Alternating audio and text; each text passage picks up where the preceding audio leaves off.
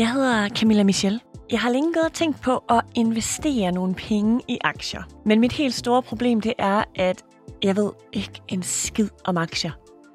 Altså jo, jeg har læst en bog og lyttet til diverse podcast, men jeg ved jo ikke sådan rigtig noget om aktiemarkedet. Man hører jo meget om, at coronaen har været vildt hård ved aktiemarkedet. Men omvendt så har bankerne negativ rente, så der er jo heller ikke meget ved at have sine penge stående der. Og jeg må nok indrømme, at jeg har lidt svært ved at gennemskue, hvad der egentlig er smart, når det kommer til at investere. Men i sidste uge, så købte jeg faktisk nogle aktier. Og det var en helt vild oplevelse, hvor jeg kom hele følelsesregistret igennem på få timer. Denne her podcast, den handler om min indtræden på aktiemarkedet. Men udover at handle om, hvordan man kommer bedst i gang, hvis man er interesseret i at investere sine penge, så handler den næsten i højere grad om, hvordan man forbereder sig på den følelsesmæssige del, der altså følger med, når man investerer.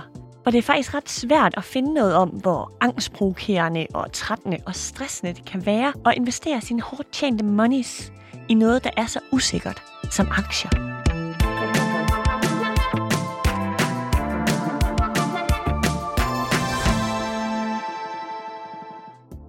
I løbet af 2020 har antallet af aktiehandlere blandt private investorer nået helt nye højder. I marts i år var der over 391.000 handler, mens der i februar måned var omkring 241.000.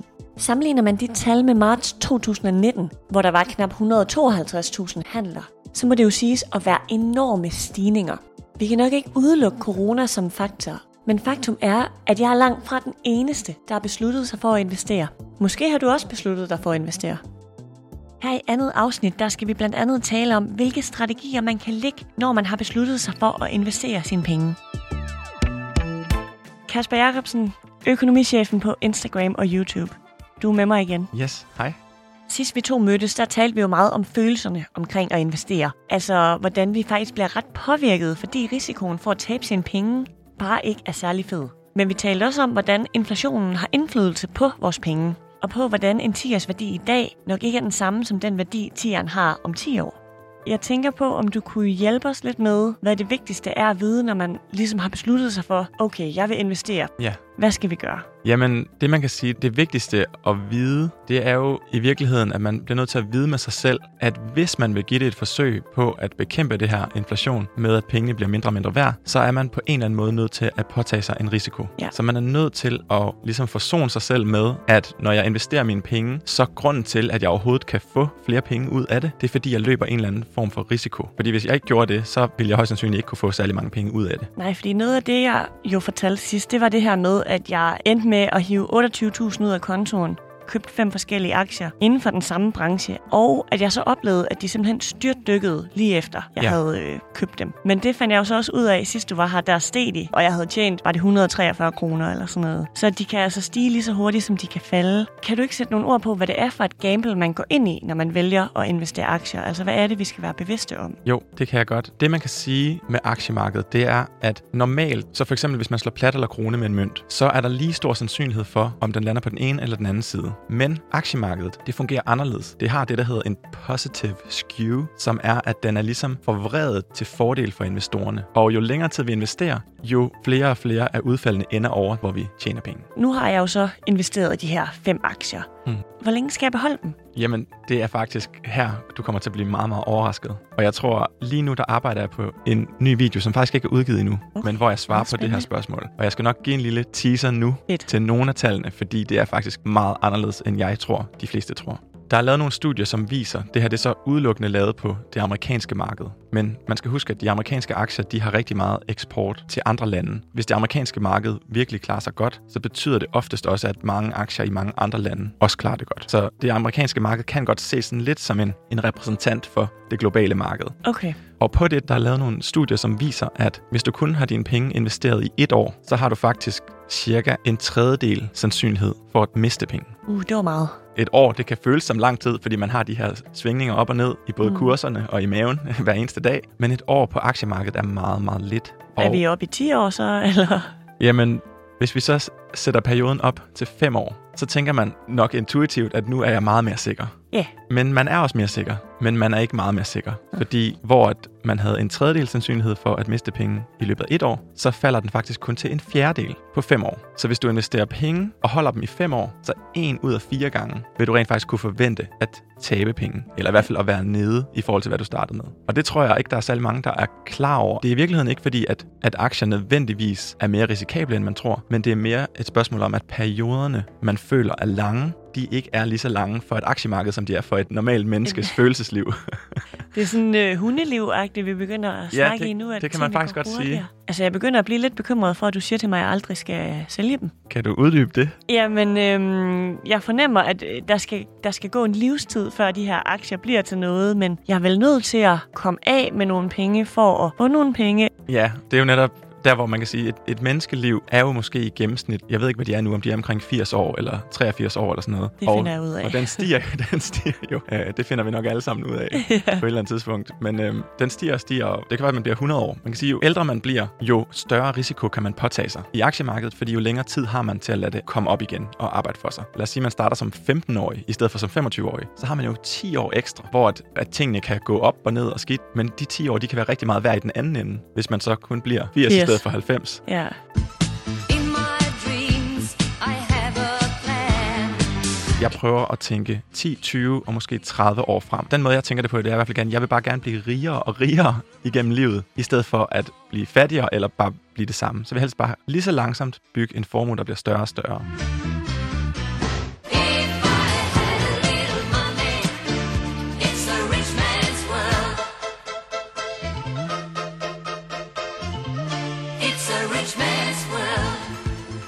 Problemet ved at spare pengene op i banken, det er, at der er ikke nogen indlånsrente længere. Nej, det er, der er negativ faktisk rente negative nu. renter, hvis du Ja. begynder at have for mange penge. Så det vil sige, du mister penge til negativ rente måske, men måske endnu vigtigere, så mister du penge til inflation. Og det er inflation, det er det her med, at vores købekraft, altså vores penge, de bliver mindre og mindre hver over tid, fordi mm. priserne på varer, de stiger. Jeg kan huske dengang, en liter mælk kostede 4 kroner. Ja. Men hvis man går ned nu i supermarkedet, så 10 koster kroner. det måske 8-10 kroner. Ja. Og hvis vi venter 10 år mere, så kan det godt være, at en liter mælk den koster 18 kroner. Og det vil sige, at hvis jeg gemmer en 10'er fra i dag, jeg kan få en liter mælk for den nu. Men hvis jeg bare gemmer den, så om 10 år kan jeg ikke længere få noget for den. Eller Klart. få noget mælk for den i hvert fald. Det er et godt billede, synes jeg. Vores penge vokser ikke hjemme i lommerne eller på bankkontoen. Nej, Tværtimod. det gør de kun, hvis renterne er høje. Og lige nu er renterne historisk lave. Så derfor bliver det ekstra attraktivt at gøre en af de her to ting. Den ene ting, det er at gå ud og bruge alle sine penge så hurtigt som muligt. Ja. fordi det er der, man får mest for dem, eller at investere dem, fordi at ved at investere dem, så kan man bekæmpe inflationen. Fordi når priserne på varer stiger, så stiger virksomhedernes indtjening jo i takt med det, fordi det er virksomhederne, der sælger varerne. Når prisen på mælk stiger, så tjener Arla lige pludselig også flere penge på at sælge mælk. Og hvis du så har investeret aktier i virksomheden, Mm, så vil dine aktier ligesom følge med, i stedet for at blive slugt af inflation. det giver mening. Så det, jeg fik med derfra, det var, vent gerne 30 år og gå tidligt i gang. Lige præcis. Hvordan forbereder man sig så bedst muligt? Nu vil vi investere. Vi vil gerne lade dem ligge i 30 år, og jeg er måske 20 år gammel, så jeg investerer også tidligt. Hvad gør jeg så herfra? Jamen, jeg vil sige, at for de fleste menneskers vedkommende, så tror jeg, det er rigtig svært intuitivt at forstå, hvor meget risiko man egentlig påtager sig. Og for mange af os, der er det, der er vigtigst på en eller anden måde, når det kommer til stykket, det er ikke at miste penge. Det er, vi vil, vi vil bare gerne ikke tabe nogen af vores penge. Præcis. Men, men samtidig så, hvis man ligesom gerne vil minimere risikoen for at tabe penge, så er man nødt til at eje mange forskellige aktier. Så kan man ikke bare eje en enkelt eller to eller fem. Faktisk så, så viser det sig, at man skal have omkring 30, omkring 30 til 40 Forskellige aktier. forskellige aktier. Jeg tror faktisk allerede ved 30, det begynder at være det, man kalder well diversified, hvor man er diversificeret, som det hedder nok. Hvad betyder det? Diversificeret, det betyder, at man har sin risiko spredt, Spredt ud, ud. I, i tilpas mange forskellige virksomheder. Og når jeg siger det her med, at risikoen er spredt ud, så betyder det jo, at, at hvis man, kan forestille sig, at hvis man har en virksomhed, hvis man kun har aktier i en virksomhed, så det går dårligt for dem, så vil ens aktier måske også klare sig dårligt. Men hvis man har 30 forskellige virksomheder, så skal det gå dårligt for 30 virksomheder, før det ens aktier måske falder. Okay, jamen det leder mig lidt til, at jeg jo er interesseret i nu, hvad mit næste træk ligesom er. Jeg har lagt de her penge i fem forskellige virksomheder, og så vil jeg egentlig have hørt dig, om jeg skulle lægge flere penge i de samme virksomheder, eller om jeg skulle begynde at skyde lidt mere med spredhavl. Det jeg selv gør, det er, at jeg, jeg accepterer det langsomme afkast med en større sikkerhed til en høj grad, så jeg bruger de fleste af mine penge på at investere i mange forskellige aktier igennem sådan nogle passive indeksfonde, som automatisk bare følger aktiemarkedet, som det er, med de aktier, der nu engang er en del af det. Og så oven på det, så investerer jeg i nogle enkelte aktier. I virkeligheden, fordi jeg jo nok i sidste ende også er lidt slave af mine følelser, så det er i virkeligheden bare en erkendelse af, at jeg er villig til at indgå en højere risiko for at give det chancen for at få et højere afkast. Så når man vælger at investere i enkelte aktier, som man udvælger, så det man siger ja til, det er, at man siger, jeg er klar på, at jeg måske kan miste nogle flere penge, hurtigere, men det gør jeg velvidende om, at jeg måske også kan blive rig hurtigere, eller tjene penge- hurtigere. Fordi det er jo så det, man giver afkald på. Hvis man investerer i hele aktiemarkedet, så bliver man rigere i samme tempo, som hele verden bliver rigere. Hvorimod at Tesla for eksempel kan stige 600% på et år. Det, det kan hele aktiemarkedet ikke. Så det er der, man skal gøre op med sig selv, om det er vigtigst for en at vinde, eller bare ikke at tabe. Lige præcis. Det er en Ja. rigtig god måde at sige det på. Okay. Nu siger du jo, at du gør dig meget i de her passive fonde. Mm. Hvad er din nyeste investering, du har gjort der? Min nyeste investering, Må den... man spørge folk om sådan noget? Jamen, det må du gerne. Okay. altså, min nyeste investering, den er, den er i, i virkeligheden meget kedelig. Jeg laver ligesom nogle faste investeringer hver måned, Ja. som er nogenlunde fordelt ens. Og der investerer jeg bare i en indeksfond, der følger det danske marked, og i en indeksfond, der følger det globale marked. Så det vil sige, at jeg investerer i virkeligheden i hele den danske økonomi og hele verdens økonomi. Begge dele på samme tid. Begge så. dele på samme tid. Og hvor mange penge smider du i? Det er fortroligt. Er der sådan en, du ved, en minimumsgrænse for, at det kan ikke betale sig, med mindre at du smider 10.000 i? Ja, man kan sige, der er jo sådan nogle, øh, der er nogle handelsomkostninger, som hedder kortage, som vi også var inde på sidste afsnit af podcasten, ja. som kan æde dine penge op lige så langsomt, hvis man køber for, for små beløb ad gangen. Så det er en rigtig skidt idé at bare købe for 1000 eller 2000 kroner ad gangen. Okay. Men de fleste vil måske have det fint nok med at begynde at købe for en, måske 5.000, måske 10.000. Men for mit vedkommende, så vil jeg altid anbefale at købe for minimum 1.000 kroner det, som quotation er på. Ja. Så hvis quotation er på 29 kroner, så vil jeg købe for 29.000 kroner. Ja, det er jo enorme beløb. Og det er store pludselig. beløber, og det kan man sige, det er svært at finde i sin private økonomi, og Ja. ja. penge nok til at kunne investere så mange penge hver måned. Det er heller ikke det, jeg gør. Men der er alternativer, hvor man for eksempel i de her indeksfonde, der kan man få lov at investere uden at betale kortage, hvis man bruger det, der hedder Nordnets månedsopsparing, som er sådan en måde at handle på, som handler ind automatisk for en hver den femte i måneden, og så betaler man ingen kortage på en række udvalgte fonde. Og det er selvfølgelig, Okay. fordi det er nogle fonde, de har samarbejder med. Hvis jeg nu har besluttet mig for, at jeg kunne godt tænke mig at sætte 5.000 af i måneden hmm. til aktier, skal jeg så samle dem, eller skal jeg gøre det i måneden? Hvis man bruger den her månedsopsparing, så kan man undgå at betale købskortage på en række udvalgte indeksfonde, Okay. og i øvrigt også andre typer fonde. Men det er indeksfondene, dem med de lave omkostninger, som jeg er interesseret i, de passive. Og det betyder så, at jeg vil sætte 5.000 ind i øh, december, 5.000 i januar, 5.000 i februar Ja. I den samme indeksfond. Man kan vælge, hvilke indeksfonde der skal være. Okay, så jeg må godt shuffle rundt mellem dem. Ja, så du kan shuffle fra måned til måned, kan du skifte. Du kan også vælge, hvor mange procent der skal i hver. 50 procent i den ene, 50 i den anden, 75, 25. Du kan vælge op til fire, tror jeg det er, Ja. forskellige fonde på en månedsopsparing. Man kan i princippet bare lave flere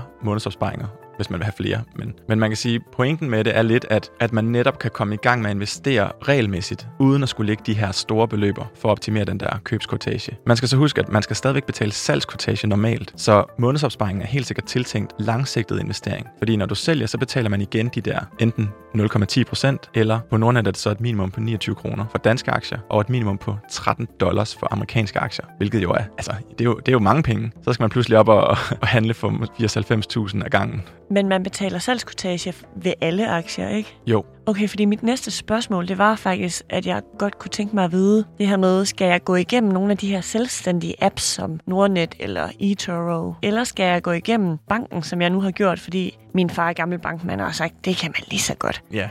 Altså, taber jeg penge ved at gå igennem min egen bank? Altså, der er jo selvfølgelig altid, man har altid en bias imod det velkendte. Så hvis ens far er bankmand, så er det Ja. typisk, man måske går i banken. Men man kan sige, der er, der er flere ting i det, fordi typisk så vil bankerne, de vil have nogle højere gebyr, de vil have højere kortager, og de vil have nogle depotgebyr, som gør, at man ofte betaler et eller andet beløb for at have et aktiedepot. Dem sparer man ved at handle selv på de her online brokers. Der er ikke nogen depotgebyr, og deres kortager er lavere end bankens. Okay, En anden ting, det er, hvis man går i banken, så ligesom med Nordnets månedsopsparing, den bliver jo brugt lidt for dem til at promoverer et samarbejde. Altså så tjener de nogle penge på at arbejde sammen med nogle af de her fonde, til gengæld for at de så tillader folk at købe dem uden kortage. Men sådan fungerer banken også. Så hvis man går ned til sin bankrådgiver og spørger, hvad synes du, jeg skal investere i? Så har banken en masse samarbejder med forskellige fonde, og de vil jo selvfølgelig starte med at anbefale dem, som de arbejder sammen med. Så det vil sige, at det billede, man egentlig får ved at gå ned i banken og søge om rådgivning, det er i høj grad præget af, hvilke samarbejder banken har, og ikke nødvendigvis i, hvad der er billigst for en selv at gøre. Så er der nogle fordele ved at vælge banken frem for,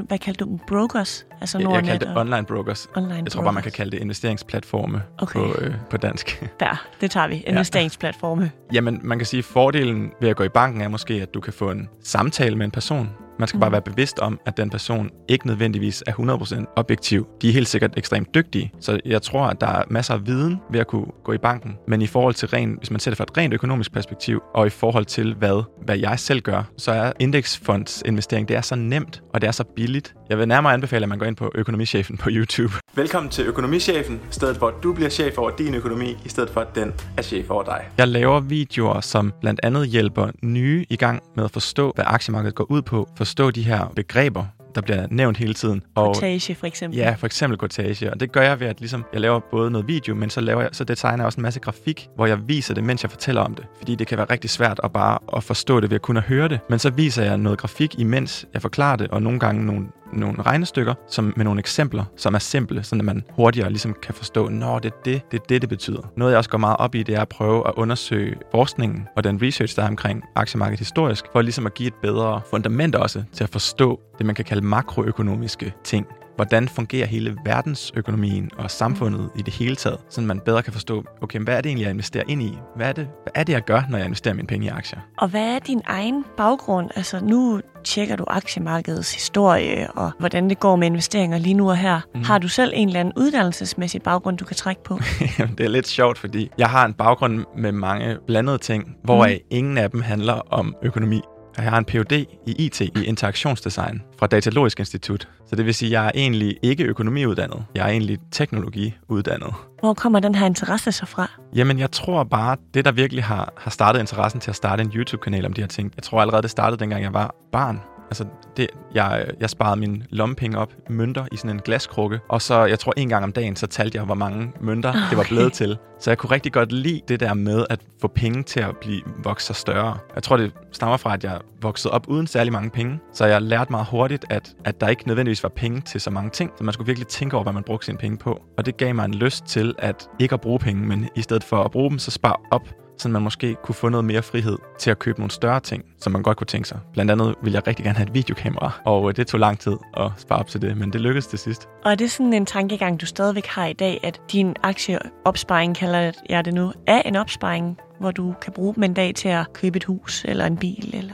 Det kan man godt sige. Jeg ser i virkeligheden penge som en en-til-en vekslingskupon til frihed og Mm. tid. At de ting, der betyder noget for mig, er faktisk slet ikke ting. Jeg har ikke særlig mange materielle ting, som gør mig lykkelig. De ting, der virkelig betyder noget for mig, det er dem, der jeg kan producere noget med. Jeg elsker at have et kamera, jeg elsker at have en mikrofon og sådan noget, fordi så kan man lave noget videomateriale. Men mange af de mere gængse forbrugsting siger mig ikke nødvendigvis så meget. Jeg vil hellere have mere tid og mere frihed til at bestemme over min tid og hvad jeg bruger den på. Så det kunne også være, at man for eksempel kunne... Nu er jeg jo helt vild med at rejse, for mm. det er jo noget, der slet ikke er muligt lige nu. Ja, Men at det kunne også være derfor, jeg investerede aktier, for at jeg simpelthen kunne trække pengene ud, og så til at tage en backpackertur til Sydamerika. Jamen, det er lige præcis sådan noget, man kan gøre. Man kan jo sige, hvis man starter tilpas tidligt med at investere i aktier, og investerer regelmæssigt igennem livet, så i stedet for at gå på pension, når man er, hvad er det nu, 72, 73, 73, ja. øhm, så kan man måske vælge at gå på pension, når man er 45, eller man kan måske endda, hvis man starter tilpas tidligt, gå på pension, når man er 35. Og når jeg siger gå på pension, så tænker jeg ikke på at gå på pension, hvor man ligger i en hængekøje og drikker drinks på en strand, eller ligesom bare sidder og triller tommelfinger. Hvad tænker du så på? Jeg tænker mere på det med at nå til det punkt, hvor at nu ved jeg, at alt hvad jeg gør, det gør jeg kun fordi det er meningsfuldt for mig. Fordi du har lyst. Fordi jeg har lyst til det. Den måde, jeg ser penge på, det er netop, at hvis man bliver økonomisk uafhængig, altså det vil sige uafhængig af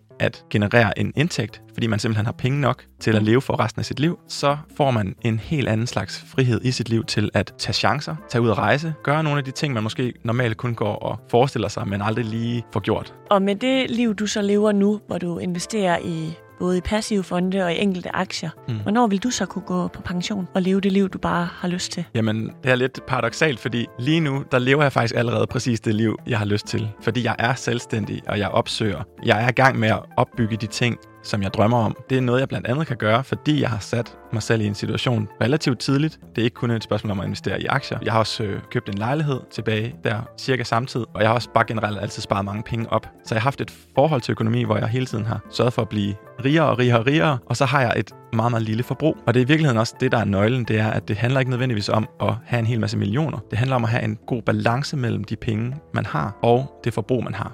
Jeg er på ingen måde økonomisk uafhængig endnu, men jeg har nok penge til, at jeg kan gøre de ting, eller i hvert fald prøve at arbejde imod de ting, jeg drømmer om. Som blandt andet er at opbygge den her YouTube-kanal med økonomiundervisning. Mm. Jeg er også medstifter af en virksomhed, der hedder Løft Discs, hvor vi sådan producerer discs til discgolf. Nå, simpelthen Så frisbees. Du, ja, øh, sådan nogle, øh, hvis du kender den sport. ja, hvor man skyder ned i sådan et, øh, nu kalder jeg det et net, det er det jo ikke, men sådan nogle kæde. Ja, det er sådan nogle kæder. Ja. Og der er baner over det hele. Der er blandt andet en i Valby. Fedt. Og, og der er vi faktisk den første danske producent af de her discs. Så, øhm, og det vil sige, at jeg er ude på det her, jeg i virkeligheden har drømt om i mange år, det her iværksættereventyr mm. med at bygge noget op. Og det er bare mindre stressende, når man har styr på sin økonomi. Det er svært, hvis man har nogle faste, store regninger på en eller anden gæld, der skal betales tilbage hver måned. Så er det hårdt, at man har sådan en periode, som jeg er i lige nu, hvor der ikke er særlig meget indtægt. Så aktier kan altså give frihed. Du er økonomisk bevidst. Altså nu har du en lejlighed, og du har aktier, som du har investeret i. Men du er også god til at spare. Måden, jeg tænker det på, det er, at man det er indrette sit liv på en måde, hvor der er en naturlig balance mellem det forbrug, man har, og den indtægt, man har. Så det er i virkeligheden en overordnet tankegang. Noget med, at jamen, begynder at se penge som frihed. Så når de kommer ind i starten af måneden, så i stedet for at tænke, at de bare skal fyres af så hurtigt som muligt, så overveje, hvad kan de egentlig gøre for mig på sigt? Fordi på trods af nedlukning og alt muligt, så har vi et relativt stabilt samfund, når,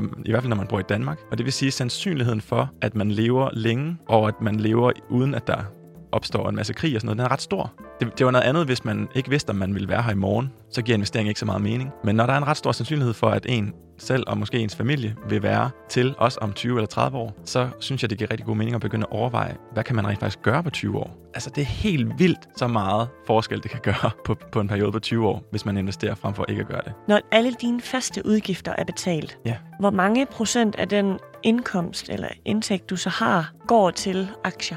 Jamen lige nu er det faktisk ikke særlig mange, og det er fordi, jeg ikke længere er lønmodtager, så min indtægt er jo faldet markant, fordi jeg er i opstartsfasen med de her projekter. En meget sjov lille ting at tænke over, det er, at hvis man kan lægge 60% til side af sin indkomst, så øhm, kan man være økonomisk uafhængig om 10,5 år. halvt år. ja. Og 60% er for de fleste mennesker ret meget Ja, øh, at lægge til side, fordi man har noget husleje, eller i hvert fald nogle boligomkostninger, der skal betales, så man har sådan noget mad og nogle forsikringer og nogle forskellige ting. Men hvis man kan prøve at komme derhen af, altså man skal huske 60%, så er det altså om 10,5 år. Det er altså heller ikke særlig lang tid, så er man økonomisk uafhængig. Det vil sige, man er, så er man ikke nødt til at arbejde, så behøver man ikke at arbejde resten af sit liv derfra. ja, så jeg vil jo ikke være ret gammel, så, så jeg kunne godt sige øh, 20 procent, og så var det om 30 år i stedet for. Jeg, jeg kan så ikke lige huske tallet for 20%, men i hvert fald så, det tager måske lige lidt tid, for man skal kigge på hver måned de sidste 12 måneder. Lad os bare sige 6, så lidt mere over, overskueligt. Overskueligt. Så, så ser man, hvad har jeg helt, hvad har jeg brugt på hvad i de her 6 måneder? Så lægger man det sammen, tager gennemsnittet af det, og så siger man, okay, det her det er åbenbart mit månedlige forbrug. Jeg troede, det var lavere. De fleste vil nemlig få en overraskelse ja. over, hvor meget de bruger. Og det, der så typisk sker, det er, at bare ved at man skaber sig selv et overblik over det og ser på sine tal, så vil de fleste mennesker kunne skære måske 20% ned på deres forbrug. Måske endda 25%. Og det, Sådan. og det er meget. Og alle de procenter, dem kan man så investere i stedet for. Ja, okay, så man piller bare det fra, man faktisk ikke har brug for. Altså Ja. hvis jeg nu bruger 10% på tøj, så kunne jeg skære det ned til, at jeg måske kun har brug for 2% til tøj. Ja, afhængigt af, hvad man vælger at prioritere. Ja, I hvert fald så, vi har en idé om, hvad vi bruger. Men hvis man giver sig selv det her overblik og finder ud af, hvad man rent faktisk bruger, så, så får man sådan en underlig følelse nogle gange af nogle af tingene. Så er det sådan, okay, wow, bruger jeg så meget på kaffe latte? Ja. Og så tænker man sådan, okay, men hvad hvis jeg bare drikker den hver anden dag på Starbucks, og hver anden dag sørger for at drikke den derhjemme? Eller prøver at lade være med at drikke den i en måned, og så se, om det også kan fungere. altså, der, er- der, er- der er virkelig mange steder, hvor man bliver overrasket over, hvor meget man bruger. Så jeg tror, at de, jeg vil næsten, selv som studerende, der tror jeg, at man i mange tilfælde måske godt ville kunne faktisk investere 10%, hvis man tilrettelægger sit liv tilpas skrabet. Mm. så skal man så også kunne leve i det. Og hvis man er interesseret i at leve økonomisk uafhængig, eller i hvert fald er interesseret i at investere i aktier, så kan man øh, gå ind på Økonomichefen på YouTube. Lige præcis. Det er jo faktisk ikke mig, der er økonomichefen. Det er jo faktisk jer derude. I bliver økonomichefen i jeres egen økonomi. Det er sådan, det er tænkt ved at se de her videoer. Ligesom Tag styringen over sin egen økonomi. Bliv chefen i den, i stedet for at den er chef over dig. Det er hermed givet videre. Kasper Jacobsen, tusind tak fordi du kom. Tak fordi jeg måtte være her. Det her var anden del af podcastserien Aktier for Newbies. I næste afsnit, der skal jeg tale med YouTuberen Daniel Hansen Pedersen, der har kanalen Daniels Penge. Der er nemlig sket noget i hans liv, der betyder, at hans prioriteringer i livet og hans tanker om aktier og økonomisk uafhængighed har ændret sig. Jeg hedder Camilla Michelle Mikkelsen. Tak fordi du lyttede med.